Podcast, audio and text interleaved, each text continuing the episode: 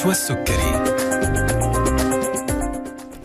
بسم الله الرحمن الرحيم. السلام عليكم ورحمة الله تعالى وبركاته. تحية طيبة لكم مستمعينا أينما كنتم وأهلا وسهلا فيكم في حلقة جديدة من طبابة على أثير إذاعتكم ألف ألف FM الموج السعودية. يسعدني أكون معكم أنا نشوى السكري لمدة ساعة ابتداء من الساعة الواحدة وإلى الساعة 2 بعد الظهر على الهواء مباشرة في حوار طبي جديد وضيف مميز من ضيوفنا اللي دائما بيشرفونا في طبابة.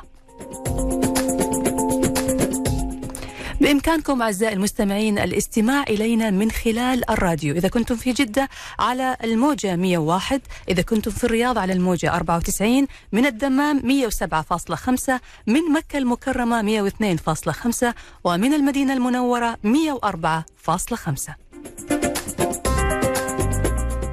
كمان بإمكانكم تستمعوا إلى الحلقة أو ترسلوا لأحد يكون مهتم بموضوعها من خلال موقع ألف ألف FM على الإنترنت. مجرد أنكم تحطوا ألف ألف FM هيطلع لكم موقع الإذاعة وبالتالي تقدروا تستمعوا إلى البث المباشر. كمان ايا كان نوع جوالك أندرويد أو iOS بإمكانك تحميل تطبيق ألف ألف FM والاستماع إلى الحلقة وكمان المشاركة معنا سواء كان باستشارة أو سؤال أو استفسار. موجودين في جميع مواقع التواصل الاجتماعي بإمكانكم المشاركة على جميع حساباتنا فيسبوك تويتر إنستغرام واليوتيوب. خلونا نبدأ معاكم حلقتنا اليوم وحلقتنا اليوم موجهة تحديدا للأطفال، تعرفوا بيعاني الأطفال من الكثير من المشاكل الصحية اللي بتحتاج لخبرة جيدة في التعامل معها من قبل الأهل، وضرورة التوجه إلى الطبيب المختص بأسرع وقت.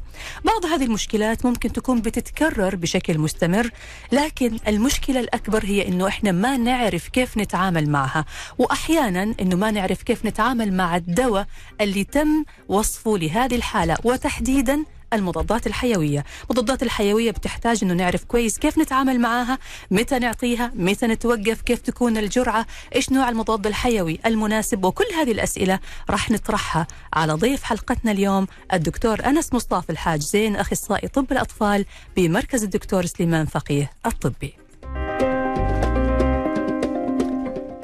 حياك الله دكتور أنس وأهلا وسهلا فيك في برنامجنا اليوم. أهلا وسهلا دكتور أنس. طبعا دكتور الأطفال أكثر مشكلة إنهم ما يقدروا يعبروا وبالتالي مسؤولية الطفل أو صحة الطفل هي مسؤولية الأهل لازم يكون الأهل عندهم خبرة جيدة ودائما يقرأوا دائما يبحثوا دائما يسألوا عشان يعرفوا كيف يتعاملوا مع المشاكل الصحية المختلفة اللي بيعاني منها الطفل أكثر مشكلة صحية بتسبب قلق وخوف عند الأهل هي ارتفاع درجات الحرارة. خلينا نبدأ الآن بموضوع ارتفاع درجات الحرارة أو الحمى اللي بتصيب الأطفال. نعرف في البداية ليش ممكن ترتفع درجة حرارة الطفل؟ آه صحيح هذا الكلام. آه أكثر ما بنواجه الشكايات المرضية هي ارتفاع درجة الحرارة عند الأطفال. مم. طبعا ارتفاع درجة الحرارة عند الأطفال في أسباب كثيرة لارتفاع درجة الحرارة. آه وارتفاع درجة الحرارة كمان حسب العمر. مم. إذا كان العمر أقل من ثلاث أشهر طبعا ارتفاع درجة الحرارة لازم يتوجه مباشرة الأهل إلى الطبيب ليعرفوا شو سبب ارتفاع درجة الحرارة تمام وارتفاع درجة الحرارة وقت بيكون أكثر من ثلاث أشهر إذا كان الطفل حالته العامة جيدة والحرارة فقط ممكن يتعامل الأهل مع ارتفاع درجة الحرارة ببعض النصائح. منها عدم إجهاد الطفل والراحة الإكثار من السوائل الكمادات. طبعا راح نركز على الكمادات ما تكون كمادات باردة. الكمادات لازم تكون كمادات بمي فاترة أو مي الصنبور نفسه مي الحنفية. مو مي مع ثلج؟ لا ما بصير مي مع ثلج في ناس أحيانا يجيبوا الثلج نفسه ويبردوا لا بشكل لا هذا راح يضر الطفل. مم. آه، طبعا آه، وفي أماكن للكمادات. الجبين منطقة الإط، ال- ال- ال- المنطقة أسفل البطن. ال- في كمان ممكن نساعد الطفل على تخفيض درجة الحرارة الحمام الحمام المي فاترة مم. أو ممكن آه، ال- الترويش يعني بمي فاترة مم. طبعا آخر شيء ممكن نستخدم طبعا خافضات الحرارة مم. خافضات الحرارة في عندنا طبعا الدرجة الأولى هو الباراسيتامول. الباراسيتامول لازم يعني ينعطى كخط أول طبعا في كثير أهالي بيستخدموا الأيبوبروفين بيستخدموا الدي- الديكلوفيناك. آه، أنا برأيي هو الخط الأول والاعتماد بيكون على الباراسيتامول. تمام. طيب دكتور بعض الناس بيجي يقول لك امسح جسم الطفل بكحول. الكحول ترى يبرد وينزل درجة الحرارة. لا هذا خطأ شائع خطأ. شائع. يعني لا الكحول ولا الموية الباردة ولا, المي- ولا ولا الثلج. الثلج. أيوه. وكمان في أماكن معينة غالبا يحطوا فوق الجبين. الجبين ما في مشكلة. لكن في أماكن مختلفة في الجسم تخفض درجة آه الحرارة. الجبين المنطقة الصدر، الابط. الصدر والأسفل البطن. تمام. طيب متى يا دكتور نبدأ نقلق. يعني إحنا ما نبغى نقول للناس إنه إذا ارتفعت درجة الحرارة هذا خطر وممكن في تصير يعني في مشكلة كبيرة عند الطفل. طب- متى يكون القلق؟ هلا بيكون القلق وقت بيكون الطفل آه، شهيته قليله على الأكل. مم. إذا كان الطفل في عنده تسرع بالتنفس إذا كان الطفل في عنده آه، طبعا في حالات ممكن تراجع فيها الطبيب وفي حالات لازم تراجع فيها الطوارئ. أيوه. اللي تراجع فيها الطبيب الحالات ال- البسيطة الطفل ما عم ياكل الطفل الحرارة استمرت الحرارة ما عم تنزل لاحظوا أي شيء غير طبيعي غير الحرارة مم. آه، أو ترافق بأعراض تانية غير الحرارة مهم. آه، في حالات لازم تراجع فيها الطوارئ طفل عنده آه، اختلاج أو نوبات عصبية طفل عنده زرقة طفل عنده إقياء آه، شديد مم. الطفل عنده ميل للنوم ما في استجابة الطفل عنده آه، تسرع تنفس شديد طبعا هاي لازم و- و- وال- والأفضل كمان الطفل اللي عمره تحت ثلاثة أشهر آه، في حرارة لازم تراجع الطبيب بغض النظر وحتى مم. في شغلات ال- بالنسبة للطفل اللي عمره أقل من شهر مم. مباشرة ما يستنوا اللي عمره أقل من شهر حرارة لازم تراجع الطبيب مم. طبعا في في حالات نحن كنا نشوفها وبنشوفها بس هلأ يعني كنا هلأ حاليا بنشوفها بشكل أقل مم. هي ال- ال- الحمى الجفاف اللي الطفل الطفل الرضيع بيكون سبب الحرارة هو لف الطفل. مم. هذا بمجرد ما فكيت الطفل وأعطيته شوية سوائل طبعا تنزل الحرارة. مم. هاي طبعا بيكون سبب غير مرضي نعم. طبعا أسباب ال- ال- ال- ال- الحرارة طبعا في أسباب فيروسية في أسباب بكتيرية ممكن بعد التطعيم يصير في حرارة. وفي أسباب مجهول السبب مم. يعني في أحيانا حرارة بتطول لمدة أسبوع أسبوعين مم. هون لازم نراجع ال- المشفى وندور على سبب الحرارة طيب كم درجة الحرارة دكتور اللي تقلق؟ يعني إحنا دائما يقول لك درجة حرارة 38 بعدين تقول لك لا مو مرة مرتفعة 37 ونص عادي يعني إيش الدرجة اللي لازم فعلا بعدها اتحرك؟ فوق 38 فوق حرارة فوق 38 مهم. لازم على طول نتحرك لازم على طول.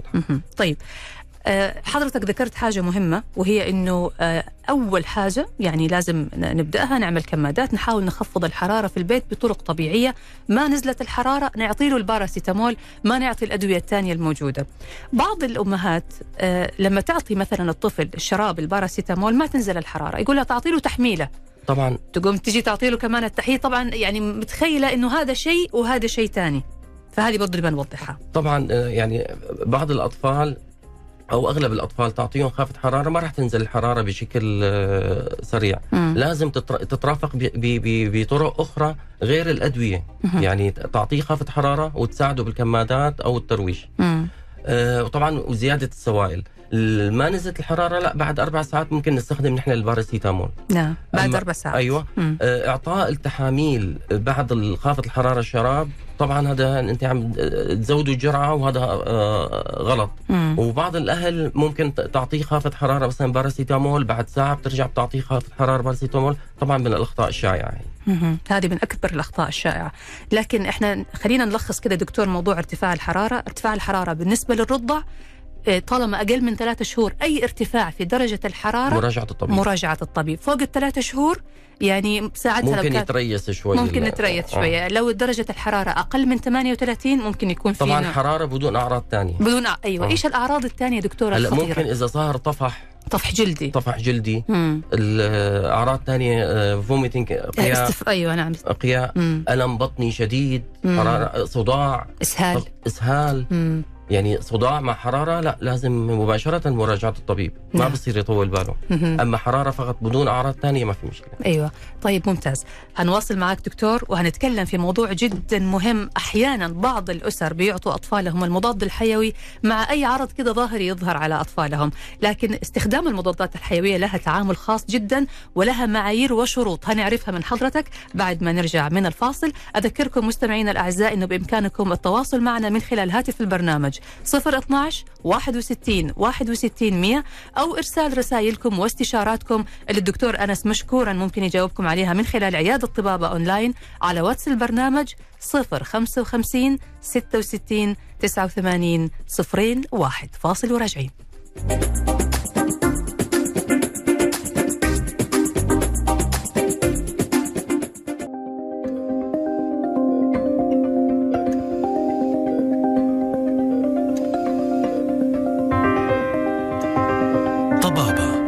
مع نشوى السكري.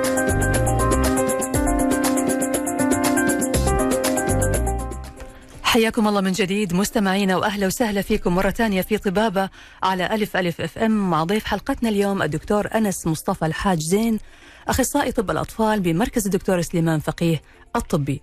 طبعا حلقتنا اليوم بنتكلم فيها عن المشاكل الصحية اللي بيعاني منها الأطفال وكيف نتعامل معها بالشكل الصحيح. وإذا كان عندكم أي استفسار أو سؤال بإمكانكم الاتصال على هاتف البرنامج 012 61 61 100 أو إرسال رسائلكم على واتس البرنامج 055 66 89 01 أحييك دكتور أنس مرة ثانية وأهلا وسهلا فيك. أهلا وسهلا دكتور دكتور قبل ما ندخل في موضوع المضادات الحيوية. آه، في نقطة مهمة جدا برضو حابين نأكد عليها أنه ارتفاع الحرارة هو عرض ما هو مرض في حد ذاته. وبالتالي آه، حضرتك بتأكد على أنه آه، لازم نبحث عن سبب ارتفاع الحرارة. هذا صحيح. مم. يعني نحن بنعطي خافة حرارة ونراجع الطبيب ليعرف شو هو السبب شو هو التشخيص. ونعالج مم. نعالج سبب الحرارة مهم.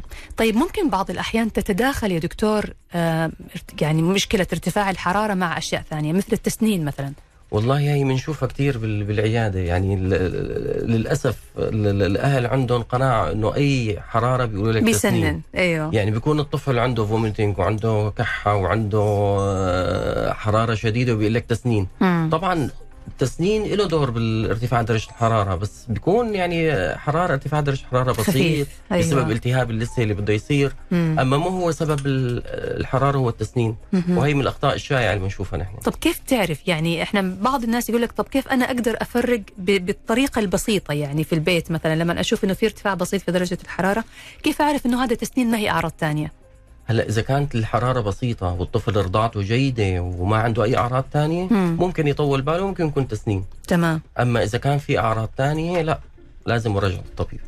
تمام. أحيانا يقولوا كمان لما تلاقي الطفل بي يعني بيضغط على اللثة معناها إنه فعلا بيسنن. هلا ممكن يضغط على اللثة شهر وشهرين وثلاثة. مستمر الموضوع. مستمر. حتى ممكن تلاقي عم يريل أو روال أو أيوة. تلاقي مثلا عم يعض الأشياء صح. آه، يعني مو يعني مو معناتها ثاني يوم بده يطلع السن. لا يعني تاخذ لها عم وقت. تاخذ وقت. تمام طيب حضرتك كمان أكدت على إنه آه الأطفال اللي أقل من ثلاثة شهور إذا حصل أي ارتفاع في درجة الحرارة مهما كان بسيط لازم فورا يتوجهوا إلى الدكتور واحيانا إلى الطوارئ. ليش يا دكتور الخوف هذا؟ هلا هو الخوف أكثر بحديثي الولاده مم. اللي 28 يوم. أقل من 28 يوم ضروري يتوجه للطوارئ. أيوه. لأنه أسباب ارتفاع درجة الحرارة بهذا العمر خطير. مم. ممكن يكون التهاب سحايا ممكن يكون التهاب دماغ ممكن يكون عنده التهاب بالمفصل ممكن يكون عنده التهاب بال التهاب بالدم ممكن يكون التهاب مسالك بولية ممكن يكون التهاب صدري مم. لازم يعني الحرارة خطيرة بهذا العمر مم. آه، لازم يتوجهوا للطوارئ أو للطبيب ليشخص المرض ويحتاج دخول المشفى وندور على سبب للحرارة. مم. تمام يا دكتور. طيب ننتقل لجزئية المضادات الحيوية. إحنا نعرف طبعا إنه المضاد الحيوي معروف إنه هو بيستخدم علشان آه، يعالج الإصابات أو العدوى البكتيرية أو أي مشاكل بتصير مثل احتقان الحلق وغيرها. بعض الأحيان يا دكتور بيتم استخدام المضاد الحيوي أو بيسوء استخدام المضاد الحيوي بشكل يحول المضاد الحيوي أو الدواء إلى مشكلة صحية عند الطفل تت- تترتب عليها مضاعفات في المستقبل كثير. فهذه نقطة برضو حابين نتكلم فيها. هلا مشكلة سوء استخدام المضادات الحيوية هي عم نواجهها كثير. مم. طبعا بدنا نحكي عن ال- ال- الاستخ- ال- الاستخدام ال- ال- السيء للمضاد الحيوي. مم. عندك المضادات الحيوية آه، استخدامها بشكل غير صحيح. آه، تؤدي إلى آه، مقاومة البكتيريا أيوة هي وحدة مم. شغلة ثانية تؤدي إلى آه، قتل البك- البكتيريا النافعة الموجودة بالأمعاء مم. استخدام المضاد الحيوي قد يكون سبب طبعا يعني ال- الفكرة إنه استخدام المضادات الحيوية يعني الأهل بيقتنعوا إنه حرارة لازم مضاد حيوي مم. طفل عم يسعل لازم مضاد حيوي طبعا الحرارة والسعال أغلب الأحيان هي اسبابها فيروسية وليست بكتيرية مم. لازم نعطي المضاد الحيوي باستطباباته وقت بيكون فعلا في إصابة بكتيرية إذا ما في في إصابة بكتيرية لا يفضل آه، علاج آه، عرضي بسموه أيوة. علاج الأعراض يعني خافه حرارة سوائل و- ولازم نبتعد عن استخدام المضادات الحيوية بهي الحالة مم. وإذا اضطرينا نستخدم المضادات الحيوية طبعا في آه، شروط لاستخدام المضاد الحيوي. الالتزام بالفترة العلاج إذا كان الطبيب قال سبعة أيام سبعة أيام عشرة أيام عشرة أيام وإذا كتب الطبيب آه، مثلا كل 8 ساعات لازم كل 8 ساعات. طبعا بع- بعض الأهل بيشوفوا الطفل إنه تحسن خلال يوم يومين بيوقفوا المضاد الحيوي. مم. وبعض الأهل آه، طبعا ما بيلتزموا بالعلاج بيعطوا ممكن جرعة واحدة بدل ثلاث جرعات. طبعا هذا بيأثر على فترة الشفاء. وممكن تصير مضاعفات وبيقوي من مقاومة ال- ال- البكتيريا. طيب في حالة احتقان الحلق يا دكتور مع ارتفاع في الحرارة بعض الأهل بعض الأسر صاروا يعطوا المضاد الحيوي ممكن يكون متوفر عندهم من الأول فيقوموا يعطوه للطفل مباشرة بمجرد ما صار عنده احتقان في الحلق طبعا موضوع احتقان الحلق إحنا بنسمعه كثير. بيجوا الأهل بيقولوا والله آه، عنده احتقان بالحلق طبعا أي التهاب بالبلعوم أو احتقان بال- بالحلق مم. ما سببه بكتيري إلا إذا شفت بعيني أنا أو إذا سوينا مسحة مم. وطلع فعلا بكتيري لازم نعطي مضادات حيوية نعم أما المضادات الحيوية طبعا مو أي كحة لازم مضاد حيوي ممكن يجيني أنا مريض كحة سببه آه، تحسسي مم. أو مريض عنده أزمة. أو مريض آه، ممكن يكون إنفلونزا يعني فيروسي ما المضادات الحيوية لا نبعد عنها لأن المضادات الحيوية بتقاوم البكتيريا أو هي مضادة للبكتيريا مو للفيروسات. وبالتالي لو لو الطفل عنده مشكلة عدوى فيروسية ما راح يستفيد. ما راح يستفيد. طب إيش هنا الضرر؟ لو أنا الطفل عنده مشكلة فيروسية أو عدوى فيروسية وإحنا قاعدين نعطي له مضاد حيوي بكتيري. طبعا في بكتيريا موجودة بال- بالجسم بشكل آه، طبيعي. راح. تقتل البكتيريا الموجودة البكتيريا النافعة. هي وحدة. والبكتيريا الموجودة بالجسم راح تغير من من شكلها وراح تغير من مقاومتها لل... في حال اضطرينا للمضادات الحيوية ما راح نستفيد. مم. مم. يعني إعطاء المضاد الحيوي بدون داعي بيأثر على البكتيريا بيخليها أكثر مقاومة بعد كذا لما يتعرض الطفل للإصابة بهذه البكتيريا ما راح يأثر فيه المضاد ما راح يأثر الحيوي. في المضاد الحيوي ونضطر أحيانا نعمل فحوصات وزروعات ونعرف شو نوع ال- ال- المضاد ال- ال- المضاد الحيوي المناسب للبكتيريا اللي غيرت من شكلها. طيب برضو دكتور هذا سؤال مهم متى يضطر الطبيب إلى اللجوء إلى عمل مزرعة علشان يحدد مضاد الحيوي المناسب لأنه بعض الأحيان ممكن يتوصف مضاد حيوي بس ما يجيب نتيجة. تظل الحالة مستمرة أو التعب مستمر. هلا في إذا استمرت الحرارة أكثر من ثلاثة لاربع أيام أو خمسة أيام مم. لازم يراجع الطبيب. مم. ممكن نعمل نحن فحص بول ممكن يكون نعمل آه، مزرعة دم ممكن نعمل آه، فحص آه، مزرعة للبول ممكن نعمل مزرعة في في إجراءات كثيرة لنعرف هل الإصابة فيروسية أو بكتيرية. تمام. أما بالعيادة إذا كان الطفل حالته العامة جيدة وبالفحص السريري ما في شيء يستدعي لتعطيه مضاد حيوي يفضل خوافة حرارة كمادات ومعالجه عرضية. تمام يعني إذا المضاد الحيوي هذا يعتبر آخر خط بنلجأ له في خطة العلاج. طبعا. ممتاز. طيب إذا لا قدر الله فوتنا يعني جرعة من الجرعات. أحيانا في مضادات حيوية نعرف تتاخذ مرة واحدة في اليوم في مرتين كل 24 ساعة. آه في مثلا ثلاثة مرات في اليوم كل تما... كل ست ساعات كل ثمان ساعات وهكذا يعني. هذه كيف يتم التعامل؟ لو فوتنا جرعة من الجرعات. هلا إذا فوتنا جرعة من جرعات بيرجع ال- ال- ال- الأهل بيستخدموه مرة ثانية. أيوه. جرعة واحدة ما في مشكلة. أما إذا لمدة يومين ثلاثة أربعة طبعا راح يأثر على ال- الجراثيم الموجودة وراح تغير من شكلها ويصير في مقاومة أكبر. والطفل ما راح يستفيد. طيب دكتور برضو إحنا نعرف إنه مناعة الجسم مهم جدا بالنسبة للأطفال إنه إحنا نقويها ونرفعها هل أخذ المضاد الحيوي ممكن يقلل من مناعة طبعا الجسم؟ طبعا بيقلل من مناعة الجسم. طيب إيش حضرتك تنصح فيه أصلا علشان نرفع من مناعة الجسم بشكل طبيعي؟ أول شغلة التطعيمات. وعدم استخدام المضاد الحيوي إلا بإستطبابه من خلال استشارة الطبيب. استشارة الطبيب. تمام. إذا تحسن الطفل بعد ما بدأ ياخذ المضاد الحيوي افترضنا إنه توصف لمضاد حيوي لمدة سبعة أيام مثلا وتحسن بعد يومين أو ثلاثة. طبعا هي بنشوفها كثير أيوه بيوقفوا المضاد الحيوي. بيوقفوا المضاد الحيوي وهذا بيسيء لحالة الطفل. مم. ممكن بعد فترة يرجع يمرض مرة ثانية وبتكون ال- ال- ال- الجراثيم الموجودة أو البكتيريا الموجودة غيرت من شكلها وما وصار تستجيب في مقاومة مم، ما تستجيب هنا للعلاج. تمام. اذا لو صار في تحسن في حالة الطفل أثناء فترة العلاج؟ استمرار المضاد الحيوي حسب وصف الطبيب. سبعة أيام سبعة أيام عشرة أيام عشرة أيام. حتى لو تحسن حتى ولو حتى لو تشافى. حتى ولو تحسن وراحت الحرارة وأموره جيدة لازم يتابع المضاد الحيوي. علشان البكتيريا اللي سببت المرض هذا ما تسبب ما تصير في عندها مقاومة؟ ويصير عندها مقاومة. أيوه. وطبعا على المدى الطويل لو صار الطفل ياخذ المضاد الحيوي بكميات أو بأوقات غير كاملة راح تصير يعني تتكون عنده بكتيريا مقاومة بعد كذا ما يقدر يعني ما يفيدها المضاد الحيوي ما ما. يصير فعال. معه ممتاز حلقتنا مستمرة معك دكتور أنس أخصائي طب الأطفال دكتور أنس مصطفى الحاج زين أخصائي طب الأطفال بمركز الدكتور سليمان فقيه الطبي هنرجع بعد الفاصل هنتكلم كمان عن السعال والكحة وكيف نتعامل معها وطرق العلاج الطبيعية وطرق الدواء وأهمية تشخيص سبب السعال وكمان المشاكل الإفرازات اللي بتكون مصاحبة للسعال في بعض الأحيان.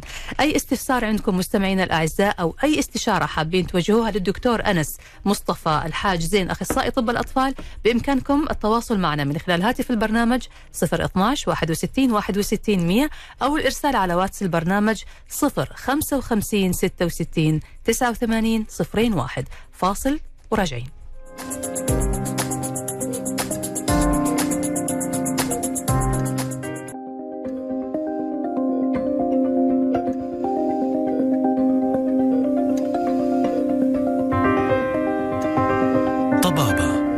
مع نشوى السكري. حياكم الله مستمعينا وأهلا وسهلا فيكم مرة ثانية في الجزء الثالث من حلقتنا طبابة على ألف ألف إف إم. ومع ضيف حلقتنا الدكتور أنس مصطفى الحاج زين أخصائي طب الأطفال بمركز الدكتور سليمان فقيه الطبي فرع النزهة. طبعا موضوعنا اليوم عن المشاكل الصحية اللي بيعاني منها الأطفال وكيف نتعامل معها بشكل صحيح. فبنستقبل طبعا اتصالاتكم على هاتف البرنامج 012 61 61 100 ورسائلكم على واتس البرنامج 055 66 89 01 أحييك دكتور أنس أهلا وسهلا فيك مرة ثانية. الله يسلمك أهلا. طيب إحنا لسه راح نبدأ ومعانا اتصال. يا هلا وسهلا. أهلا مساء الخير يعطيك العافية. مساء النور حياك الله. هلا وسهلا الله يعافيك. معك آه، عمار من الرياض. يا هلا وسهلا أخوي عمار تفضل. أهلا فيك. آه، يعطيك العافية دكتور مصطفى أول شيء على المعلومات الحلوة اللي عم تعطينا إياها. يا أهلا وسهلا. أهلا فيك. دكتور هلا أنا زمان كنت آخذ اولادي عند الدكتور أيوه. خاصة بموضوع الزكام والقريب يقول لك كان الدكتور يقول لنا يقول لك أنا علاجي طويل بس أهم شيء عندي مناعة الطفل. مزبوط. آخر شيء آخر شيء الجا عليه علاجي طويل. يعطيني مثلا ادويه كلها عبارة عن علاج عن أعشاب وما أعشاب والشغلات هيدي. وبالفعل وما اضطر لل- للعلاج الطبيعي بعد ما غيرت الدكتور صار بتحس الدكاترة صاروا عم يعطيك مضاد حيوي فورا من أول جلسة. طيب أنا أول مرة رحت عند دكتور كتب لي مضاد حيوي قلت له أنا أول مرة بجي عند- لعندك دكتور. وفي عمري ما أعطيت لابني مضاد حيوي. أنت أول مرة بتعطيني مضاد حيوي. املي عشان نخلص. امم والله. يعني حتى وصلنا لمرحله إنه الدكتور حتى هو نفسه لا خلص عم لك حتى بنخلص مم. طيب هذا استفسارك أخوي عمار؟ نعم. طيب الله يعطيك العافية. الدكتور الآن هيجاوبك وهنعرف شكراً. بالضبط الرد الصح. شكرا لمشاركتك شكرا حيوي طيب تفضل يا دكتور.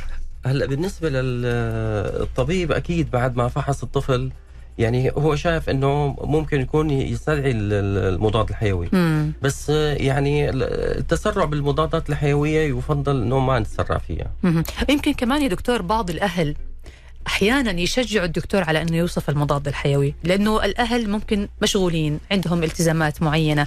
زي ما قال الأخ عمار قال أنا كنت أروح الأول عند دكتور يقول أنا علاجي طويل يعني بياخذ فترة طويلة فيحتاج صبر ومتابعة ورعاية وتفرغ للطفل. هذا صحيح. لكن مناعة الطفل بتقوى بمرور الوقت ما راح تتأثر مزبوط فهنا برضه ممكن يكون دور الأهل يعني هو. مشكور قال للدكتور أنا ما كان ما كنت أعطي أطفالي مضاد حيوي يمكن إذا ال... الأب أو الأم أظهروا للدكتور إنه ما عندهم مشكلة إنهم يتفرغوا ويراعوا أطفالهم حتى لو العلاج استمر فتره طويلة برضه هذا يمكن يغير من طريقة التفكير عند الدكتور هلا بالنسبة لي أنا في كثير أهل بيطلبوا مضادات حيوية مم. أنا إذا كنت شايف ما في داعي للمضاد الحيوي خلاص. ما, ما راح اكتب مضاد وهذا حيوي. الصح هذا الصح يعني إذا إحنا ال ال الأولوية عندنا إنه نعالج بدون مضاد حيوي. حضرتك أكدت على هذه حسب, النقطة. حسب الفحص السريري. حسب الفحص نعم. إذا ما في داعي للمضاد الحيوي الأفضل ما يأخذ مضاد حيوي. لكن إذا الحالة صعبة وفيها خطورة هنا لازم ندخل المضاد الحيوي. لا إذا.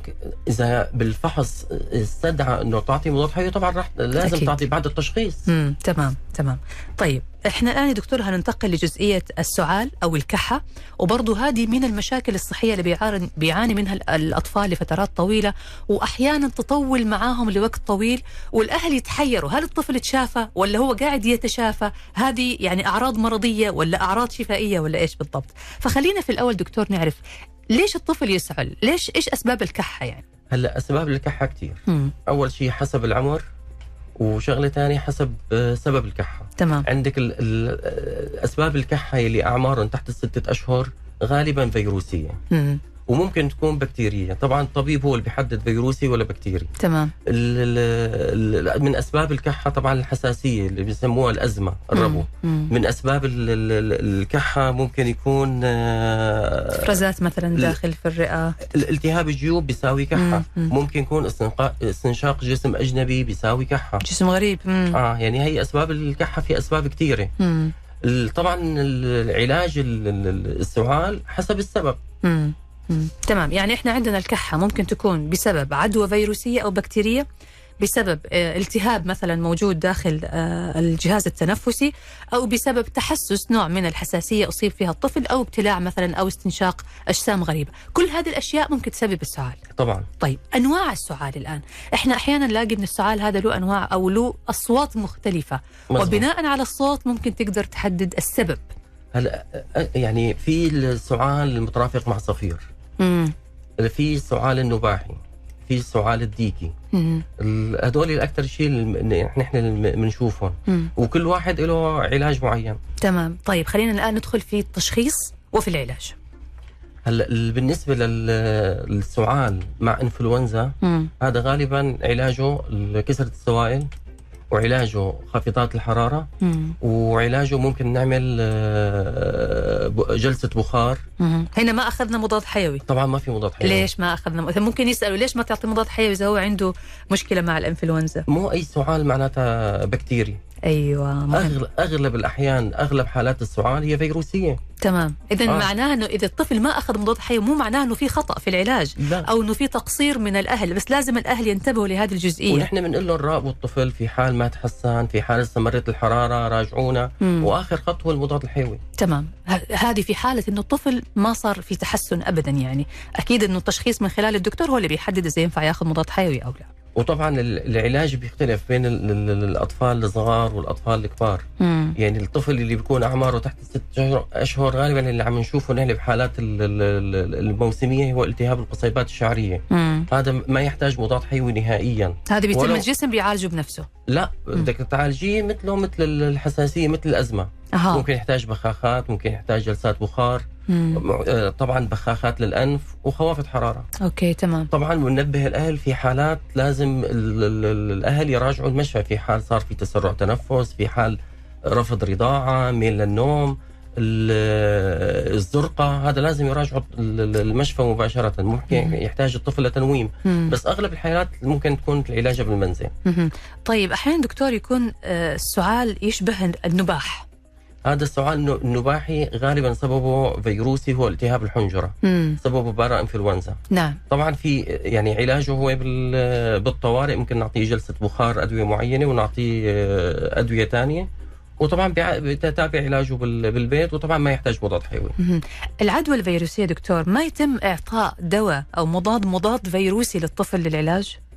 العدوى الفيروسية. آه. هل بيعطى للطفل مضاد فيروسي لا لا ما, للعلاج؟ ما يحتاج. ما يحتاج. ما يحتاج. لا. آه، ليش؟ خلينا برضو نوضح للمستمعين ليش ما يحتاج مضاد فيروسي. لأنه ال- ال- الانتانات الفيروسية لحالها الشفاء عفوي. من الجسم. من الجسم. الجسم نفسه نفسه- بيقاومها من نفسه خلال بيقاوم. طبعا. ما- ما الأجسام يحتاج- المضادة. ما يحتاج مضادات جميل. طيب بالنسبة للسعال الديكي طبعا مم. سعال الديكي معروف بيكون صوت يشبه الديك هلا نحن عم هلا يعني حالات السعال دي نادرة جدا ما عم. نشوفها بسبب ال- ال- التطعيمات أكيد يعني التطعيمات هي 100% الأطفال عم ياخذوا تطعيمات مم. حالة نادرة مم. واذا شفناها في لها علاج لها علاجات بس بما إنه هي نادرة وما بتتكرر فما نتكلم عنها آه. يمكن أكثر مشكلة بتؤرق الأهل السعال الليلي آه هلا أغلب السعال الليلي كمان حسب فحص الطفل مم. إذا كان بال بال بال بفحص الطفل الصدر طبيعي وما في ما في أي علامات غالبا الطفل بيكون يا إما يعني هو عبارة عن زكام. نعم. وما يحتاج طبعا أدوية إلا بخاخات الأنف. مهم. وإذا في حرارة خافض حرارة. فقط. أما إذا كان في عنده مشكلة صدرية السعال السعال الليلي هو غالبا مترافق مع الحساسية. مم. يعني سعال الليلي معناتها عنده الطفل حساسية مهم. تمام طبعا حساسية هي ال- ال- الكلمة ال- ال- الشائعه هي معناتها عنده أزمة وعنده ربو مم.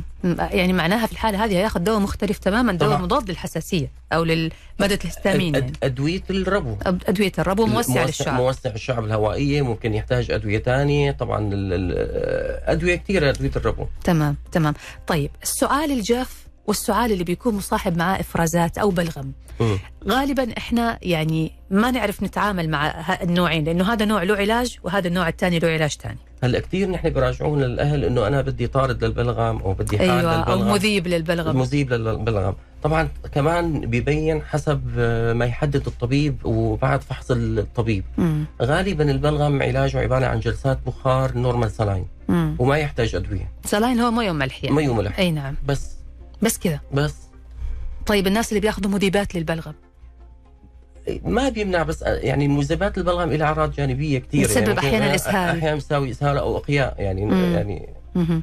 لكن حضرتك بتنصح لما يكون السعال مصاحب معاه إفرازات أو بلغم خاصة إذا كان لون البلغم يا دكتور مختلف. الأهل أحيانا يقلقوا لما يشوف لون بلغم أخضر مثلا أو لون غامق يقول لك لا لا هذا واضح إنه عنده كذا مشكلة كبيرة. لا حسب كمان فحص الطفل. ممكن إذا حالة الطفل جيدة حتى حتى ولو كان لونه أخضر أو هيك عادي. عادي. اذا لون البلغم هنا ما, ما, يقلقنا. ما يقلق. مهم.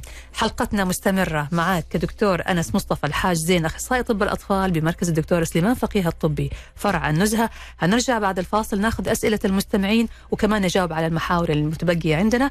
طبعا بإمكانكم التواصل معنا على هاتف البرنامج 012 61 61 100 أو إرسال رسائلكم على واتس البرنامج 055 66 89 01 فاصل ونواصل.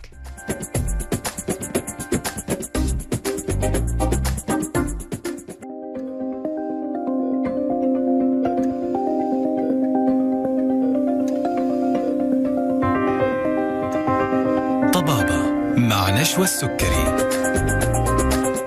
رجعنا لكم مرة ثانية مستمعينا الأعزاء في برنامجكم طبابة على ألف ألف أف إم ومع ضيفنا الدكتور أنس مصطفى الحاج زين أخصائي طب الأطفال بمركز الدكتور سليمان فقيه الطبي فرع النزهة وموضوعنا اليوم عن المشكلات الصحية اللي ممكن يعاني منها الأطفال كيف نتعامل معها بالشكل الصحيح. حياك الله دكتور أنس أهلا وسهلا فيك مرة ثانية.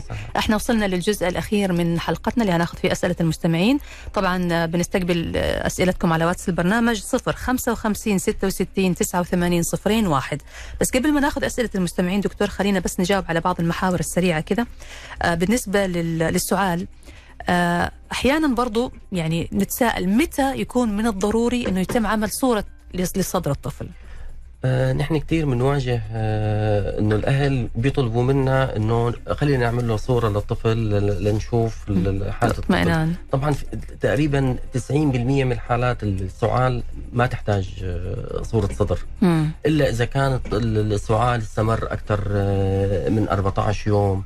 أو إذا كان الطفل عنده تسرع تنفس أو الطفل عنده حرارة شديدة مم. مع بفحص الصدر في عنده اختلاف في أصوات الصدر مم. أو إذا حسيتي إنه بحاجة ل... ل... ل... لصورة صدر تمام أو إذا احتاج الطفل للتنويم ممكن يحتاج صورة صدر مم. أما بالحالات ال- العادية أغلب أنواع السعال ما تحتاج صورة صدر تمام تمام متى يحتاج الطفل يا دكتور التنويم في المستشفى هلأ.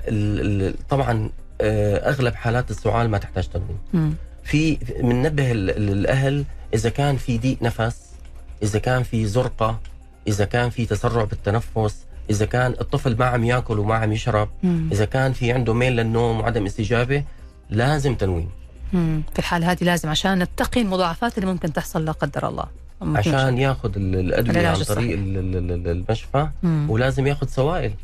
تمام طيب بعض الأحيان دكتور مع العلاج السعال يزيد يعني الطفل يكون بياخذ دواء للكحة مم. لكن آه يعني لفترة مثلا لعدة أيام ونلاقي أنه زادت الكحة بمرور الوقت هي من بنشوفها كثير بال- بالعيادة يعني. بيراجعونا الأهل بي- بيقولوا لنا يا دكتور زادت الكحة نعم طبعا بيكون الطفل حالته العامة جيدة وما عنده أي مشكلة مم. نحن بننبه الأهل يعني في علامتين للشفاء لازم ننبههم عليها مم. هي غياب الحرارة والسعال المنتج أو السع- السعال مع بلغم. هذا طبعا السعال وقت بي بي الطفل بتزيد الكحة هي من علامات الشفاء هي. آه يعني زيادة الكحة بعد أخذ الدواء لفترة مو معناها أنه الحالة بتسوء معناها أنه لا. الحالة بتتشافى أو بتتحسن. علامات شفاء هي. ممتاز. طيب نبدأ الآن دكتور ناخذ الأسئلة اللي جاتنا وممكن نرجع مرة ثانية للمحاور حقتنا. آه عندي سؤال يقول السلام عليكم ورحمة الله. أحمد حسين حياك الله أخوي أحمد يقول ابني عمره الآن أربع سنوات اللوزتين من قبل سنة ونص وعلى طول متضخمة وعلى طول تلتهب لو شرب شيء بارد أو أكل آيس كريم هل إزالتها هو الحل أم الصبر عليها؟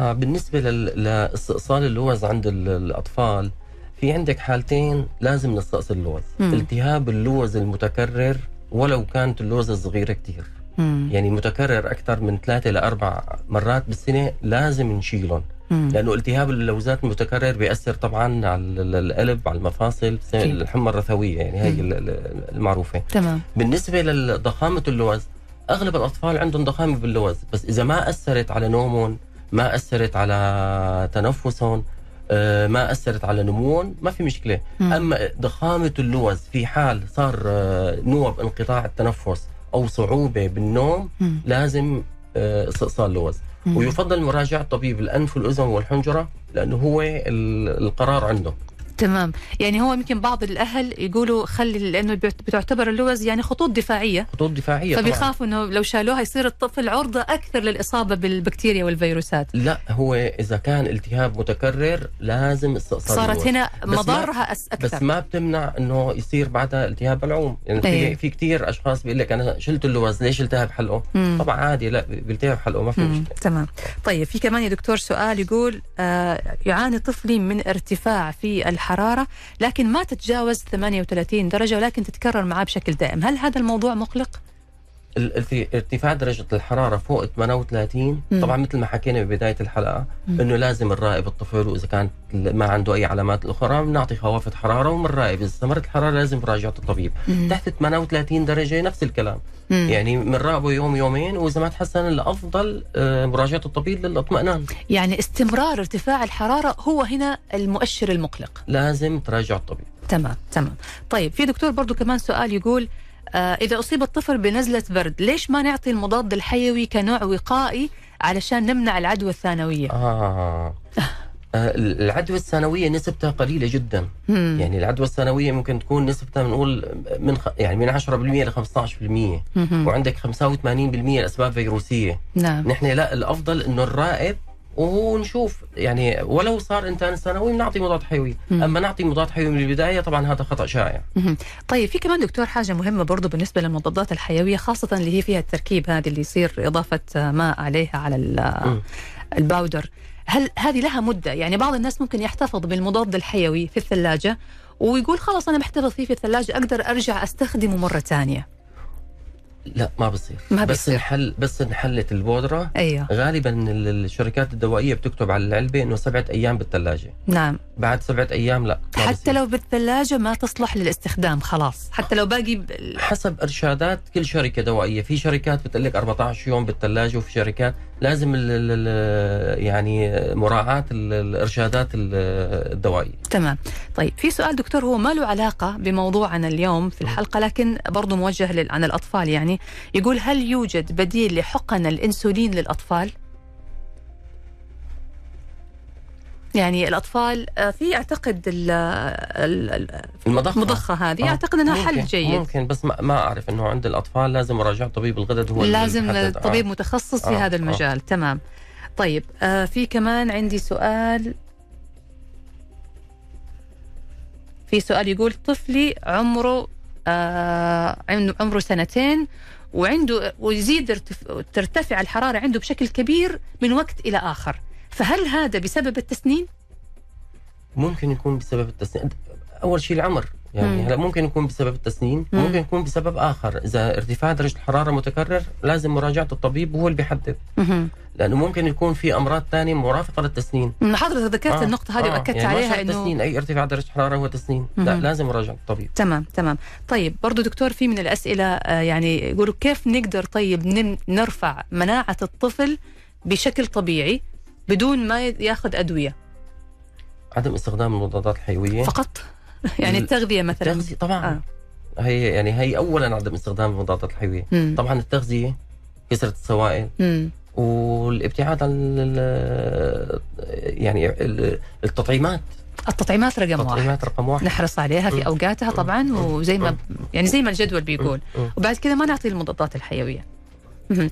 طيب إيش دكتور مثلا حضرتك لما يجيك أحد بياخذوا بعض الأدوية اللي هي زي ال- المشروب اللبلاب بعض المشروبات كده موجودة مشروبات طبيعية علشان الكحة وعلشان ما في السعال مشكلة. ما في مشكلة طبيعية، ما هذه. مشكلة. اليانسون البابونج ممكن مم. العسل مع ال... طبعا بعد عمر السنة بعد سنة آه عسل مع مي فاترة ما في مشكلة مهم.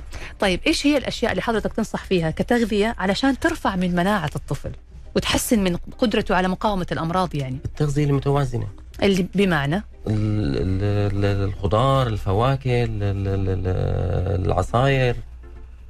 تغذية تمام. متوازنة ياخذ الأشياء الطبيعية أشت- تغذية طبيعية ال- طيب العصائر دكتور المعلبة الجاهزة هذه إيش رأيك لا فيها؟ ما بنصح تنصح فيها. لا. يفضل دايما طا- يكون. العصير طبيعي. آه، آه. جميل دكتور إحنا الحقيقة يعني بنسعد دائما بوجودك معنا دكتور وإن شاء الله راح يكون لنا حلقة ثانية مع حضرتك في برنامجنا طبابة مواضيع الأطفال والمشاكل الصحية اللي بيعاني منها الأطفال كثيرة ومتعددة ومهم جدا أنه إحنا دائما نوصل رسالة للمستمعين وللأهل خاصة لما يكون آه، يعني آه، أسرة جديدة أو زوجين جدد ولسه عندهم طفل أول طفل هذا فبيكونوا محتاجين لمعلومات تثقيفية كثيرة. أنا بشكرك جزيل الشكر الدكتور أنس مصطفى الحاج زين أخصائي طب الأطفال بمركز الدكتور سليمان فقيه الطبي فرع النزهة. شكرا لوجودك معنا دكتور. أهلا وسهلا دكتور. الله يسلمك. الشكر لكم أنتم أيضا مستمعينا الأعزاء. نلقاكم على خير في حلقة الغد. انتظرونا موضوع جديد وضيف جديد من ضيوف برنامج طبابة. حتى الغد تقبلوا تحياتي. أنا نشوى السكري ومخرج الحلقة رائد باراجي في حفظ الله ورعايته. you